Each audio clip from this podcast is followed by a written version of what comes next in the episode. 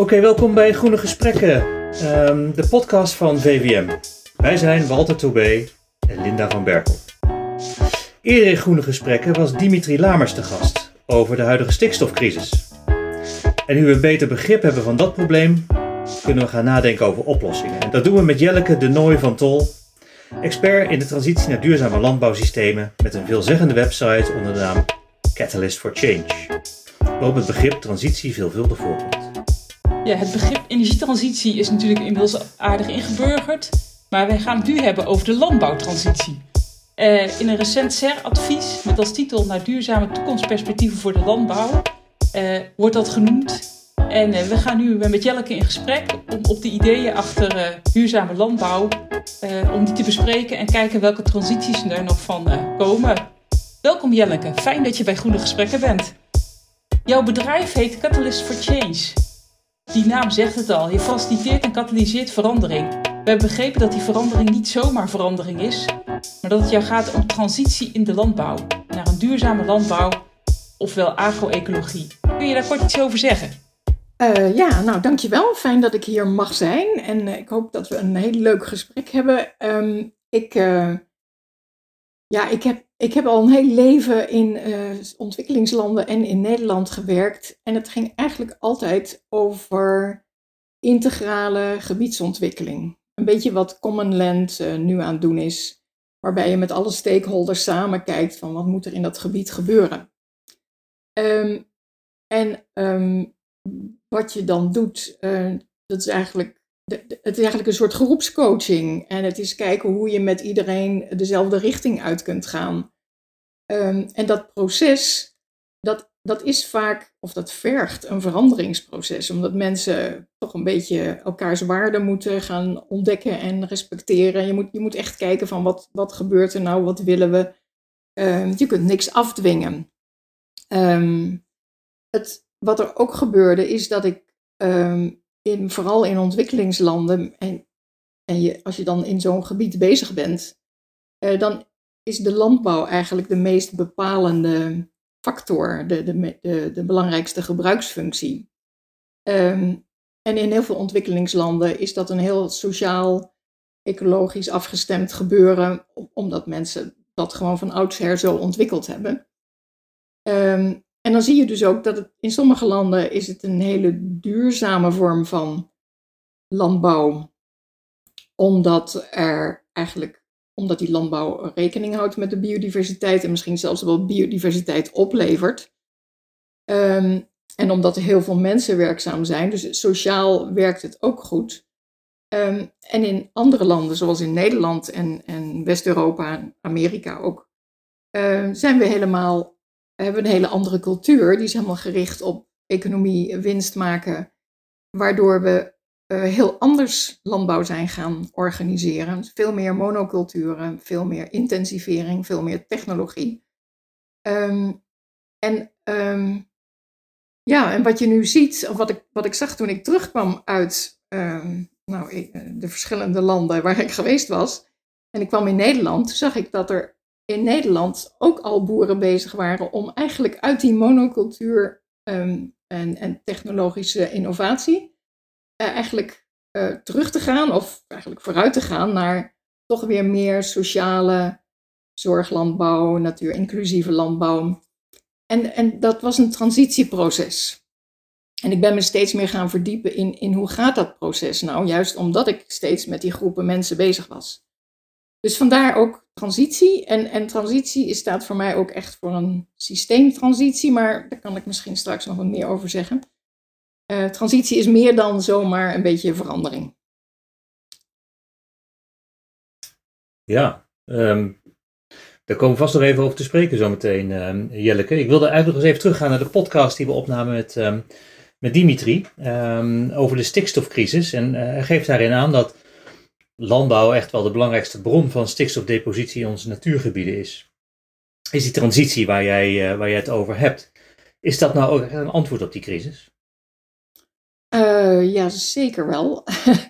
um, en dan moet ik eigenlijk even terug naar inderdaad die podcast, um, want die gaat erover over het stikstofprobleem. En ik denk dat daar in Nederland het probleem al mee begint, dat we ons helemaal focussen op die stikstof. En dat is maar één van de aspecten van uh, ja, eigenlijk, eigenlijk het, het hele landbouwsysteem, wat, waarvan je zou kunnen zeggen, er is een soort systeem falen. Er is, um, we hebben in de afgelopen, nou toch zeker 20, 30 jaar, zijn we zo bezig geweest met steeds goedkoop blijven produceren, uh, toch steeds meer. En dat hadden we beloofd, want de wereld moest gevoed worden. Dus we deden vreselijk ons best. Technologie verbeterd. Maar steeds meer um, uh, dingen in vakjes opdelen.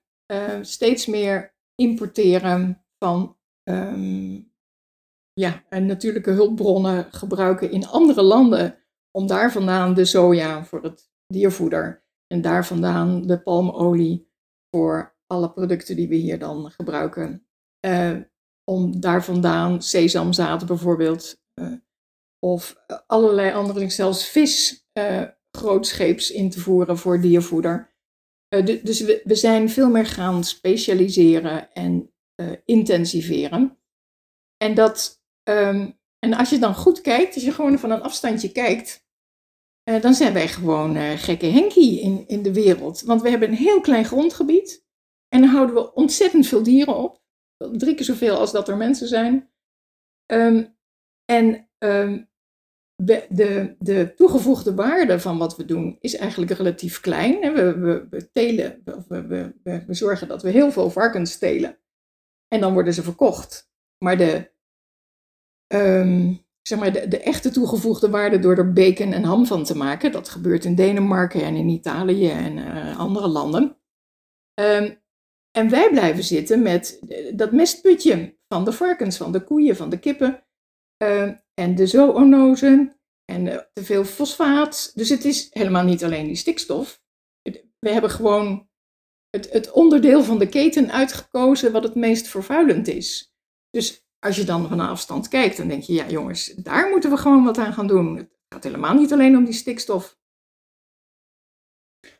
Dus jij, jij zegt, het is, het is um, eigenlijk een systemische crisis die ja. we moeten oplossen. Ja, ja. ja. En, en, stikstof is maar één van.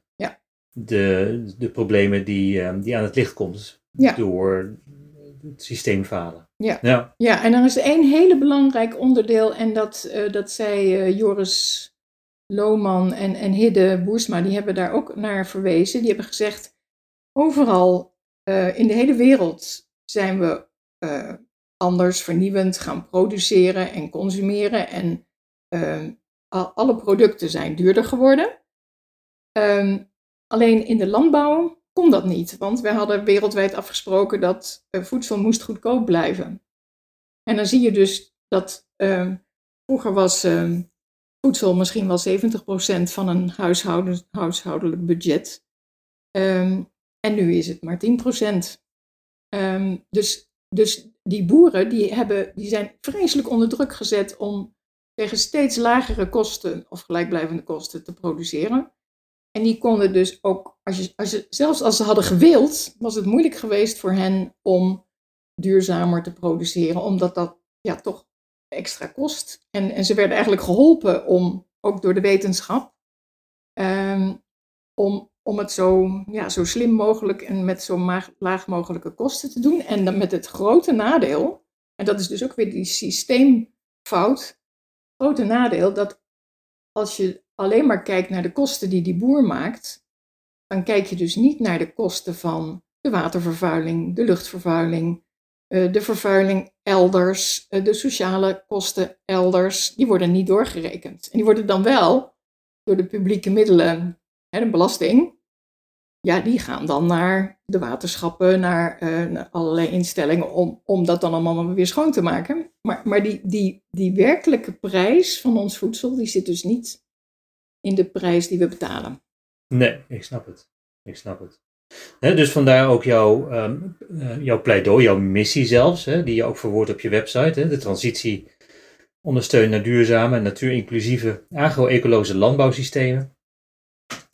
Um, die, uh, daar, zit, daar zit de toekomst voor jou. Dus duurzame landbouw een, um, ja, is altijd een heel breed, breed begrip. Wat, wat, wat moeten we daar nou onder verstaan? Wat, wat kun, je, kun je uitleggen wat duurzame landbouw dan inhoudt? Ja, ehm, ja, er zitten twee kanten aan. Ehm, ik, ik, ik wil eerst toch nog iets zeggen over die transitie. Want uh, die transitie is niet alleen in de landbouw gaande, maar ook in de manier waarop wij naar voedsel en gezondheid kijken. We hebben de eiwittransitie, uh, maar we hebben ook uh, in de zorg enorme transities, in het onderwijs. Dus we, zitten in een, in een eeuw van transitie, van omslag. En wat je dan ziet gebeuren is mensen, de meeste mensen willen ook wel duurzamer. Het, het is, niemand is erop tegen. Maar um, je ziet dan eigenlijk drie, drie manieren waarop mensen duurzamer willen gaan werken. En duurzaam is nog steeds uh, uh, planet, people en prosperity in samenhang. Dus we, we, zorgen dat, dat alles beter gaat. Dat is wat je wilt. um, als mensen dan die omslag naar duurzaam willen maken, dan, dan is de meest simpele is dat je je aan je bestaande systemen houdt. Hè, bijvoorbeeld in de landbouw ga, je het een beetje verbeteren, optimaliseren. Je gaat misschien wel nog betere filters maken om, om uitstoot van stikstof uh, te minimaliseren. En, maar je, je, houdt het systeem en uh, je verbetert het nog meer. Meestal krijg je dan ook meer controle om het toch maar allemaal in de perken te houden. De tweede manier is, dat noemen we systeem innovatie. Uh, daar ga je toch kijken hoe kun je dat systeem in zichzelf dus de bodem en de planten en de dieren uh, en, en de voedsel van de dieren, hoe kun je dat toch wat meer circulair maken? Nou, dat zie je nu grootschalig gebeuren. Dat is een vorm van duurzamer. Er zijn mensen die, uh, die gaan ander veevoeder, niet meer de soja uit Brazilië, maar iets wat lokaal geproduceerd wordt. Uh, op, een, op een hele andere manier zorgen dat die ketens meer circulair worden. Er komen ook korte ketens, dat zou je ook kunnen zeggen. Dat is ook een vorm van circulariteit. Uh, ik las ook in de krant nog een heel mooi verhaal van uh, iemand die zijn varkens nu voerde met afval van een koekjesfabriek. Nou, dat was op zich een prachtige stap naar duurzamer, namelijk lokaal uh, afvalstromen verwerken. Maar tegelijkertijd denk ik, ja, een koekjesfabriek, wat zit er allemaal in aan suiker en toevoegingsmiddelen? Worden die varkens daar nou gezonder van? En ook dus het vlees wat wij eten? Maar goed, dat is even die tweede. De derde, die derde is de uh, systeemtransitie. Daarbij zeg je, ja, we, gaan het gewoon helemaal anders doen.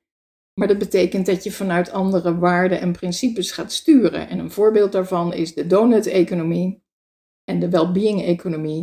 Dan zeg je, jongens, uh, winst is niet meer het belangrijkste oogmerk. Maar bijvoorbeeld het, het leveren van biodiversiteit en sociaal welzijn. En je kunt ze anders gaan sturen.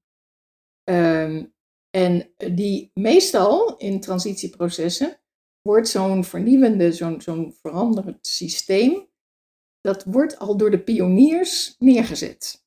En in Nederland kun je een heleboel van die pioniers vinden. Dat, die begonnen zo'n beetje rond 2000. Maar dat was toen een marginaal en er werd ook op neergekeken. Als je toen zei voedselbos, had iedereen zoiets van, nou, geitenwolle sokken. Um, maar nu, de laatste twee jaar, zijn al die nou ja, marginale vernieuwers, die, zijn, uh, die hebben verenigingen gesticht, die zijn gaan samenwerken. Er is een vereniging herenboeren en natuur-inclusieve landbouw en voedselbossen en agroforesterie. En dat wordt dus een grotere beweging die, die gaat naar het nieuwe normaal. En dat nieuwe normaal is dus, uh, ja, dat noem ik dan agroecologie, maar agroecologie is meer een paraplu-term voor alle soorten landbouw waarbij je de landbouw beschouwt als een ecosysteem. Dus, dus een, een, een, een samenhang van gezonde bodem, gezond water, uh, gezonde dieren, gezonde planten, die met elkaar samenwerken en op elkaar inwerken. Dus die drie soorten, het zijn eigenlijk allemaal vormen van duurzame landbouw.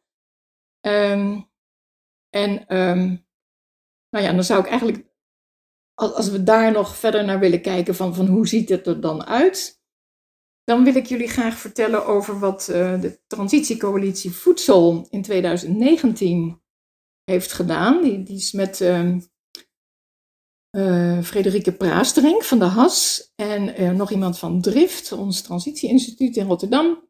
Ehm, zijn we met, want ik was ook, ik ben nog steeds lid van die Transitiecoalitie Voedsel. Ehm, zijn we in drie verschillende opeenvolgende workshops gaan kijken van waar beweegt nou de transitie in die landbouw- en voedselsystemen naartoe. En, uh, en kijk, en de transitiecoalitie voedsel is een coalitie van allemaal bedrijven, niet eens zoveel boeren, maar uh, uh, bedrijven, organisaties, NGO's, die allemaal bezig zijn met, met in de voorhoede eigenlijk het al anders doen. Het is niet denken over hoe zou het anders kunnen, het zijn gewoon mensen die het al anders doen. En die zaten met elkaar dus uh, in gesprek van, nou, dit zien we gebeuren, dat zien we gebeuren. En uh, we kwamen uit op vijf, uh, ja, eigenlijk scenario's. Oké, okay, dus dat zijn dingen die zij al doen. Kan je daar dan wat over vertellen? Zeg maar, waar, waar nou, mensen al mee bezig zijn? Uh, nou, bijvoorbeeld zit daar Common Land bij. En Common Land die doet een gebiedsgerichte aanpak waarbij die, ze sturen op de four returns. Uh, en dat is dan economie, ecologie en uh, wat nog meer? Ecologie, economie. ik weet nog wat. De sociale kant. Maar de vierde opbrengst is dat mensen gelukkig worden. Dus het gaat ook om mensen die in dat gebied doen waar ze blij van worden, waar ze hun kwaliteit mee kwijt kunnen. Nou, dat is een aanpak die ze op verschillende plekken in de wereld doen en ook in Nederland. Er zit ook alle mensen bij die bezig zijn met uh, Land van Ons en met Aardpeer, die, uh, die uh, boerenland opkopen als stichting of vereniging. En het dan ehm, verhuren, dus la laten pachten door mensen die willen boeren, maar dan um, op voorwaarde dat het alleen maar natuurinclusieve landbouw wordt. En nou, die zitten erbij. Maar er zit ook, um, er zat een zorgverzekering bij, die zei: Ik vind het belangrijk dat, dat de landbouw van ons, uh, dat we gezondere producten leveren. Dat betekent dat je een gezondere bodem moet hebben, want het hangt samen met wat er op groeit. En dat hangt samen met wat wij dan als consumenten eten. Want het gaat zo slecht met de, de algehele gezondheid van de Nederlandse mensen. Uh, obesitas uh, is een voorbeeld, maar ook uh, Alzheimer, die mogelijk veroorzaakt wordt door glyfos glyfosaat. Dus wij hebben er als zorgverzekeraars baat bij dat die landbouw over de kop gaat. Dat dat, dat echt allemaal gezondere landbouw wordt. Waarbij wat we eten straks, wat van die landbouw komt, dat dat veel, um, ja, veel meer van gezonde bodems komt. Um, nou, die zat erbij. Wat hebben we nog meer? Die man van de kipstukjes. Uh, de, de vegetarische slager. Um, Bionext zit erbij. Uh, ja, ik weet zo dus gewoon niet een paar bedrijven, maar heel veel verschillende, ja. vanuit verschillende kanten van de samenleving. Ja, dus dat zijn allemaal pioniers, zeg je. En in, in, onder die pioniers vind je de vormen van duurzame landbouw waarvan jij denkt dat die groot zullen gaan groeien. Ja. We hebben het natuurlijk niet alleen over landbouw, je hebt het ook over uh, voedselproducenten. Als je praat over uh, nee, een partij als de vegetarische slager. Uh, dus je praat eigenlijk over de hele keten die die transitie door moet, ja. door moet gaan. Ja, ja. ja. Um, past, daar ook, past daar ook iets van, van hoogtechnologische landbouw bij? Je ziet natuurlijk ook wel ontwikkelingen waarbij um, planten 24 uur per dag kunnen groeien onder invloed van een bepaalde frequentie uh, van, van het licht. En daarmee een hele hoge opbrengst genereren tegen zo min mogelijk ja. Ja, energiegebruik en, en afval en dergelijke. Ja. Past dat ook in dat beeld van duurzame landbouw? Ja, goed dat je het zegt. Um, ik, ik zal die, die vijf scenario's waar we op uitkomen even noemen. Um, en wat belangrijk is, dat die kunnen naast elkaar bestaan. En waarschijnlijk gaan die alle vijf gebeuren, want, want je ziet die, die tendensen zie je al nu om je heen. De eerste is alles in balans, circulaire agrofoodsystemen. Dat gaat dus echt over kringlopen, wat ik ook net zei, die, die restverwerking. Uh, maar de boer is ook energieleverancier. Uh, en of hij nou dingen op, uh, zonnepanelen op zijn dak heeft of windmolens. Maar er, er worden gewoon combinaties van circulaire systemen ja, ontwikkeld. En, en het is afhankelijk van de boer en de omgeving waar die zit. De tweede is personalized food and wellness. Nou, dat zit helemaal meer op die voedselkant. Um, en, en voedsel en gezondheid ook. Um, En er zijn zelfs mensen die nu al bezig zijn met een biopaspoort. Dus dat je van jezelf weet welke vitamine, mineralen, um, combinatie van eiwitten en vetten je nodig hebt. Um, en dan kun je bijna met het paspoort dadelijk de supermarkt in, omdat je dan waarschijnlijk ook op de etiketten kunt lezen of het bij jou past of niet. Uh, en misschien kun je niet eens, hoef je het niet eens te lezen, maar kun je gewoon met je appje checken. Uh, dus dat is heel vergaand in, in het uh, zorgen dat er ehm, voedsel helemaal afgestemd is en, en er mogelijkheden zijn ehm, om, om te kijken hoe jij zo gezond mogelijk kunt eten. Persoonlijke behoeften, ja. Um, ja, er, er, is nog veel meer over te vertellen, maar ik noem ze nu even. Dan de derde is voedselgemeenschappen. En dat, is in de, dat betekent dus dat je in een regio, in een gebied, dat uh, producenten en consumenten veel meer gaan samenwerken. Dat zie je ook wel. Korte ketens is allemaal heel erg toegenomen in het jaar van de corona-lockdown. Mensen ja, gingen veel meer lokaal, herenboeren ook ja. Maar er hoort ook bij regionale economie. Dus je investeert in je eigen omgeving. Nou, dat is nummer drie. Mm vier is high-tech uh, voedselsystemen. En dat is wat jij noemde eigenlijk met kassen.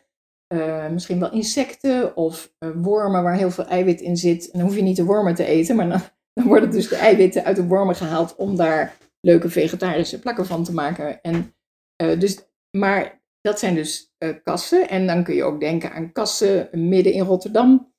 Of mm bovenop flatgebouwen. Dus, maar heel high-tech. En daar zijn wij heel goed in in Nederland. Ja. Dus dat is ook mogelijk wel nog een exportproduct. Maar goed, dat is nummer vier. En dan vijf is ecologisch intensief. En dan gaat het dus om, dat is eigenlijk die transitie waar ik het over had van het hele systeem. Dan ga je dus ook sturen, ook vanuit de EU en ook vanuit de overheid, met landbouwsubsidies die gekoppeld zijn aan of jij als boer wel eh, biodiversiteit en schoon water en schone lucht oplevert. Dus in plaats van een negatieve voetafdruk heb je eigenlijk een positieve voetafdruk. Um, nou, en dat waarschijnlijk gaat dat dus alle vijf uh, naast elkaar ontwikkelen. Want in de achterhoek heb je misschien wel die laatste met dat ecologisch intensief en misschien nog wel gemengd met voedselgemeenschappen. Um, maar in Rotterdam en Amsterdam um, en daar in de buurt heb je misschien wel veel meer van die high-tech. Um, en dat, dat moet niet de overheid gaan bepalen, maar dat, dat ontstaat eigenlijk. Want, maar goed, dat, dat um, het is aan het ontstaan, laat ik het zo zeggen. Ja, precies. Ook afhankelijk van marktvragen en dergelijke. Ja. Eh, zullen verschillende vormen gaan krijgen uh, die naast elkaar zullen bestaan. Ja. Voor verschillende ja, ja. Uh, plantenmarkten en dergelijke. Ja, interessant. Uh, nou zag ik ook dat er uh, onlangs uh, nou ja, wat, wat rapporten zijn gepubliceerd. Kees Veerman heeft met een aantal partijen samen een manifest gepubliceerd. En er is ook nog een rapport van de SER, naar duurzame toekomstperspectieven voor de landbouw. je had het net over vijf scenario's. In dat SER-rapport zag ik zeven scenario's. Komt dat een beetje overheen? Of hoe kun je daar iets over zeggen? Um, nou ja, die scenario's is eigenlijk meer dat, dat is een soort richting die geduid wordt van, van waar, waar je aan moet denken, waar de landbouw zich naartoe aan het ontwikkelen is. Um, die zeven paden, die zijn, dat zijn echt meer transitiepaden. Van, het gaat meer over het hoe. Hoe gaan we zorgen uh, dat we die gewenste scenario's, uh, dat, dat die kunnen ontstaan? Uh, wat moeten we dan doen? En dat gaat over regelgeving en subsidie en andere fiscale mogelijkheden en zo. Maar ik, ik wil nog wel even iets zeggen over die, die, uh, um, die manifesten, zal ik maar zeggen. Um, mm -hmm. je, eigenlijk, als je. Uh, ja, ik zit natuurlijk midden in die hele landbouw uh, en wat er allemaal daar gebeurt. eigenlijk is het vorig jaar, of eigenlijk in 2019 al begonnen. Ehm, mede door die transitiecoalitie voedsel. maar er is een boerenraad opgericht, eind 2019, van boeren die zeiden: wij willen met elkaar uh, een, een soort nieuwe weg laten zien van hoe het ook anders kan. Die hebben gewoon de handen in elkaar geslagen. Ehm, afgelopen jaar heeft Winsemius, uh, ja, die natuurlijk bekend is, dus die kreeg ook wel aandacht, die heeft het aanvalsplan Grutto geschreven, met vooral veel noordelijke provincies, om te zorgen dat er ook weer advies aan de, aan de overheid. Jongens, als jullie nou dit doen qua beleid, qua dit en dat en dat, dan kan die grutto overleven. En dat, eigenlijk is die grutto alleen maar een soort uh, doel, doeltype, zal ik maar zeggen, voor Symbool. hoe de landbouw anders zou kunnen worden. Nou, ehm, er is ook vorig jaar in gang gezet een boer-burgerberaad. Dat boer-burgerberaad dat wordt gedaan door de G1000. Dat, dat is eigenlijk een, een organisatie die in Europa die, die het principe burgerberaden gaat uh, ontwikkelen. En dat is een proces van een jaar waarbij 50 boeren en 50 burgers met elkaar in gesprek zijn, geld krijgen om adviseurs in te huren en na een jaar komen ze met een advies over hoe moet het verder in Nederland. Nou, um, dan hebben we ergens in maart had Kees Veerman met uh, Louise Vet en de Transitiecoalitie Voedsel en nou, een heleboel partijen ook, um, hadden ze mij zat de Rabobank er toen zelfs al bij, uh, hadden ze gezegd, uh, jongens, het moet, het moet echt anders. En wat ik dan zo grappig vind, het is een hele grote groep mensen, boeren en bedrijven die, die dat manifest maakt. Maar dan schuiven ze Veerman en Louise Vet naar voren, omdat die aanzien hebben, dat zijn bekende Nederlanders, die hebben ook invloed, die, die praten met de minister. Dus uh, die vertellen het verhaal. Maar het, het is gemaakt door een grote groep echt belanghebbenden uh, samen, LTO deed ook mee. En dan denk je, dat is gewoon fantastisch, want zij hebben al samen gezegd, wij willen het anders en we geven zelfs aan hoe we denken dat het anders kan. Nou, um, het laatste mooie was van 25 mei. Um, dan moet ik even kijken, dat was echt zo'n ontzettend mooi verhaal. Dat was van Natuurmonumenten met LTO en, ik weet niet, het stond in het Financieel Dagblad. Kijk, ik heb het hier ergens. Het is een gezamenlijk voorstel van boeren, natuurorganisaties en ondernemersorganisaties om uit de stikstofimpasse te komen. Dus ze hebben het gericht op, toch op die stikstof, als, als ik zou maar zeggen, item, als probleem. En om eruit te komen, oh ja, dat vond ik het bijzondere. Bouwend Nederland deed mee. MKB Nederland deed mee, VNO-NCW. Um, ehm, en die hebben dus gezegd, we moeten een oplossing vinden, zowel voor boeren als voor natuur als voor bouwend Nederland. Ja, en, dat, maar dat schrift op de korte termijn, denk ik, hè? op de oplossing van die stikstofcrisis. Ja, maar, maar de oplossing die ze aandragen is, om, uh, is eigenlijk die strategische lange termijn van die systeemtransitie. Okay. Want zij zeggen, ja, dus... uh, we gaan het gewoon zo doen, uh, de natuurgebieden daaromheen, de boeren die eromheen zitten, die moeten of overstappen op natuurinclusieve vormen van landbouw. Maakt niet uit wat, of het een voedselbos is of nog wat anders, maakt niet uit. Daar moeten ze geld voor hebben. Of als ze niet willen omschakelen, moeten ze weg en moeten daar boeren komen die dat wel willen. Ja. Um, en er, is een, er zijn zones waar we heel goed die, die meer technische, innovatieve landbouw kunnen doen. Um, en we gaan kijken waar gebouwd kan worden. En alle, in alle drie die nou ja, sectoren, zal ik maar zeggen, moet in geïnvesteerd worden. En uh, ook in die natuur, want die moet ook beter, maar ook in die omslag en ook in het afbouwen. Allemaal nodig. En, zeggen ze erbij, het kost heel veel geld, maar het kost nog meer geld als je niks doet. Want dan, ja, dan verliezen we uh, landbouwgrond, we verliezen natuur, we verliezen biodiversiteit. Dat is verschrikkelijk. Nou, en wat ik nou het leuke vind, is dat die SER, het lijkt wel of die SER al, al die afgelopen maanden goed heeft zitten luisteren naar wat die mensen met elkaar hebben opgehoest. Want de SER eh, zegt eigenlijk een beetje dezelfde dingen. En die geeft zelfs aan, ook, het is natuurlijk een advies aan de regering, uh, van langs welke zeven sporen je dat dan zou moeten doen. Nou, ik vind, ik vind het echt super. Ik ben er zo blij mee. Ik heb echt zoiets van, ze grijpen de stikstofcrisis aan om met een, een systemische oplossing te komen. En die wordt dan ook nog overgenomen door de SER. Nou, wat wil je nog meer? Ja, klinkt wel als een momentum dat er nu echt iets gaat veranderen in die systeemtransitie. Ja. ja. Nou ja, eh, dat geloof ik echt. Ja. En, en, dat, uh, en dan een heleboel mensen zullen denken van, goh, kijk nou eens wat er gebeurt, wat een verrassing. Maar als je al een tijdje meeloopt, dan zie je dat uh, mensen, dat is ook een, noem je dat, een, een wet in het hele transitiegebeuren. Uh, mensen veranderen van ideeën uh, en het duurt even voordat ze dat dan ook in de praktijk gaan doen. En dat kun je met, aan jezelf al zien. Als jij denkt van, goh, misschien moet ik toch vegetarisch gaan eten in plaats van wat ik nu eet. Ehm, nou, dan heb je toch een paar maanden nodig om dat echt te laten bezinken. En dan nog een keer om je vriend of je partner te overtuigen. En uiteindelijk ga je het misschien pas na twee jaar doen. En dan ziet iedereen ineens dat jij doet. Goh, ben je vegetariër geworden? Goh zeg. Maar dan ben je al twee jaar bezig om, om daar een beetje in te gooien. Nou, en dat gebeurt volgens mij ook met dit, met dit proces van hoe gaan we nou met elkaar die landbouw anders doen? Hoe gaan we uit die polarisatie komen? Hoe, hè? En mensen hebben gewoon de handen in elkaar geslagen. En nu zie je het ineens.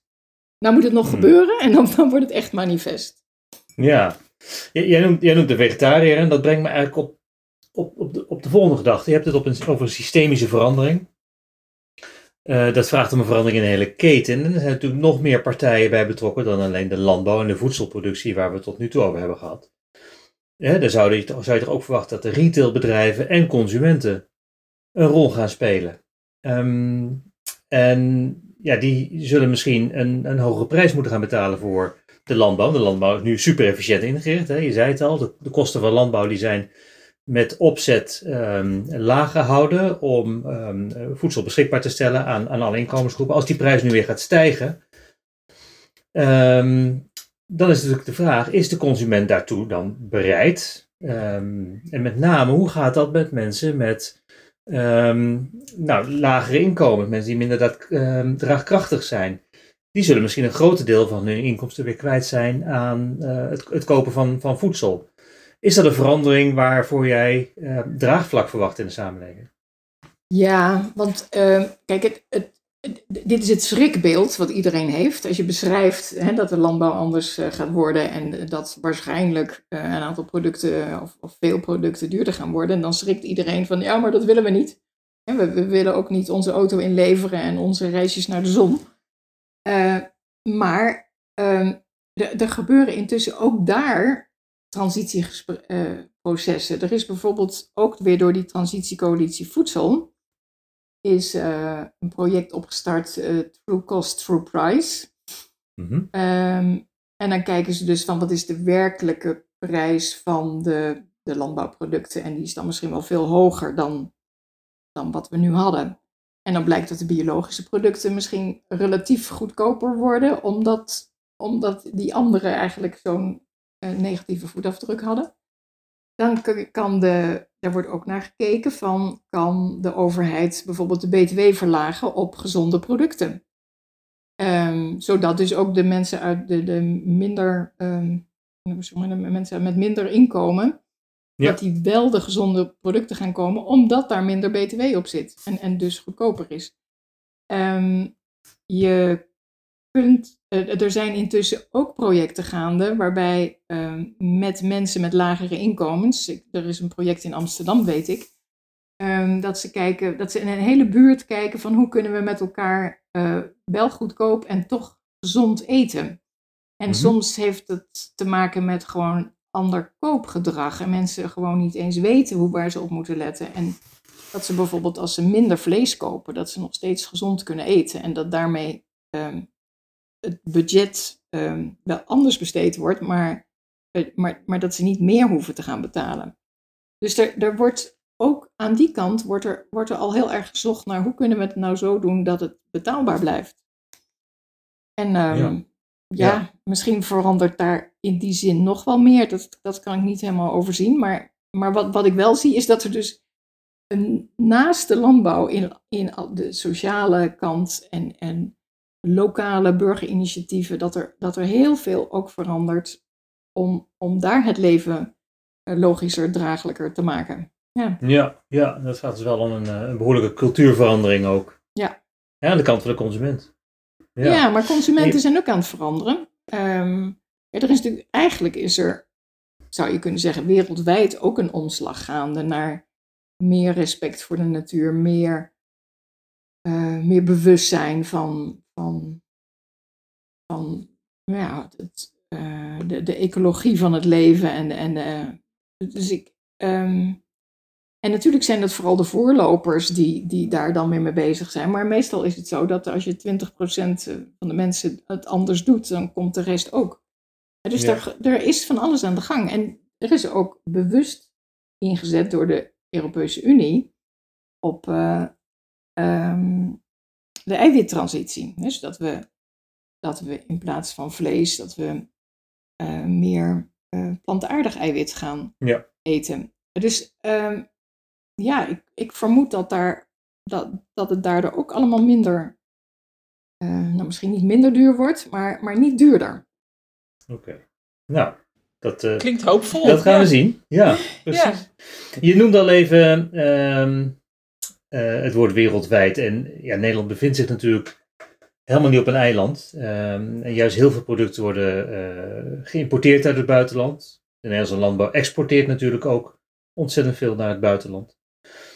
Um, eigenlijk is de wereldmarkt, hè, en heel veel producten worden gewoon als commodities op de wereld, wereldhandelsmarkt aangeboden. Als die prijs van de Nederlandse landbouwproducten nou toch zou stijgen door een, de transitie die jij voorstaat, hoe zie je dan dat Nederlandse landbouwproducten nog kunnen concurreren met, um, met buitenlandse producten? En hetzelfde geldt natuurlijk um, ook een beetje voor de export van Nederlandse landbouwproducten, die, die ook, ook zullen moeten concurreren. Wat betekent duurzame landbouw voor de exportpositie van Nederland? Als het gaat om landbouw. Ja, dat is een interessante vraag. Um, ik denk dat, uh, dat wij moeten stappen van het idee dat we, dat we dezelfde dingen blijven exporteren. Wat ik net helemaal aan het begin zei over die varkens.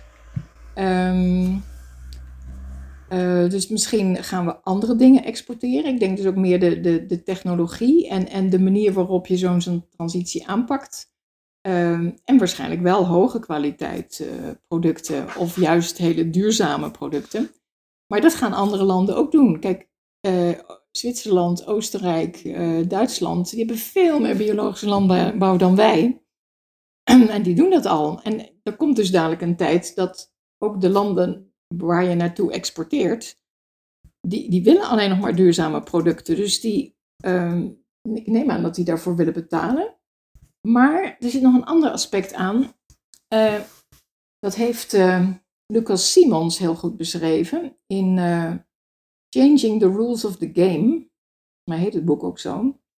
Mhm. Um, en hij, uh, dat is, hij is begonnen um, met zijn instituut um, om de, de bloemensector te ondersteunen.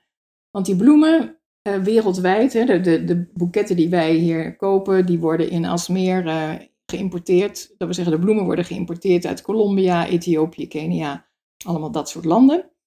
Er Ja. worden boeketjes van gemaakt in Alsmeer en die worden dan hier leuk verkocht of weer doorgeëxporteerd naar andere landen. Ehm, ehm, en daar was eh, enorme concurrentie en het moest steeds goedkoper en goedkoper en dat ging dus ook over de ruggen van de mensen in die arme landen. En nou, het, het was gewoon niet houdbaar. Dus eigenlijk waren zij vijf jaar geleden, zo'n beetje, waren ze daarmee bezig. En toen heeft uh, Lucas Simons heeft gezegd, we moeten gewoon allemaal bij elkaar gaan zitten met alle mensen uit de keten. En uh, stap voor stap kijken hoe we, hoe we gezamenlijk dit gaan veranderen. Want als je geen gelijk speelveld hebt, dan, dan zal er nooit eentje zijn kop uitsteken en zeggen, nou wij gaan dat eens even leuk duurzaam doen. En ja, dan kost het maar wat meer. En dan, ja, misschien gaan we dan wel failliet. Ja, dat doet Nee, natuurlijk niemand. Nee.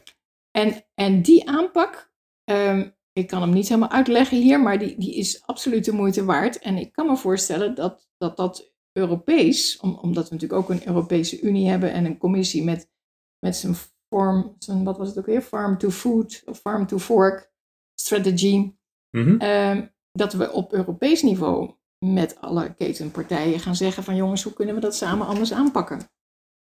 En um, ik, uh, ik, ik weet dat Friesland Campina al heel ver is met dat soort dingen. Dus, dus ja, ik weet niet hoe het nu met Unilever is, maar, maar dit soort partijen samen, die, die kunnen daar wel wat, uh, wat doen.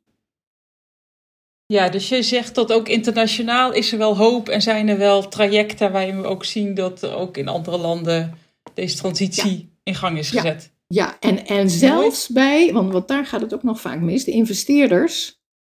Um, bij de, wat is het, het World Economic Forum hebben ze net, nu net de afgelopen maand ook een, een advies in mei, dat de lange termijn inve, in, investeerders, en dat zijn natuurlijk ook uh, ons pensioenfondsen en zo, uh, dat als die anders gaan investeren, dus meer in duurzame landbouw, dan, uh, dat, dan is dat het, het mechanisme wat we nodig hebben om, om te zorgen dat, um, dat, dat dat groeit en dat het dus um, als er, als er meer mensen op die manier gaan produceren, dan wordt het dus logisch en vanzelfsprekend dat iedereen dat doet.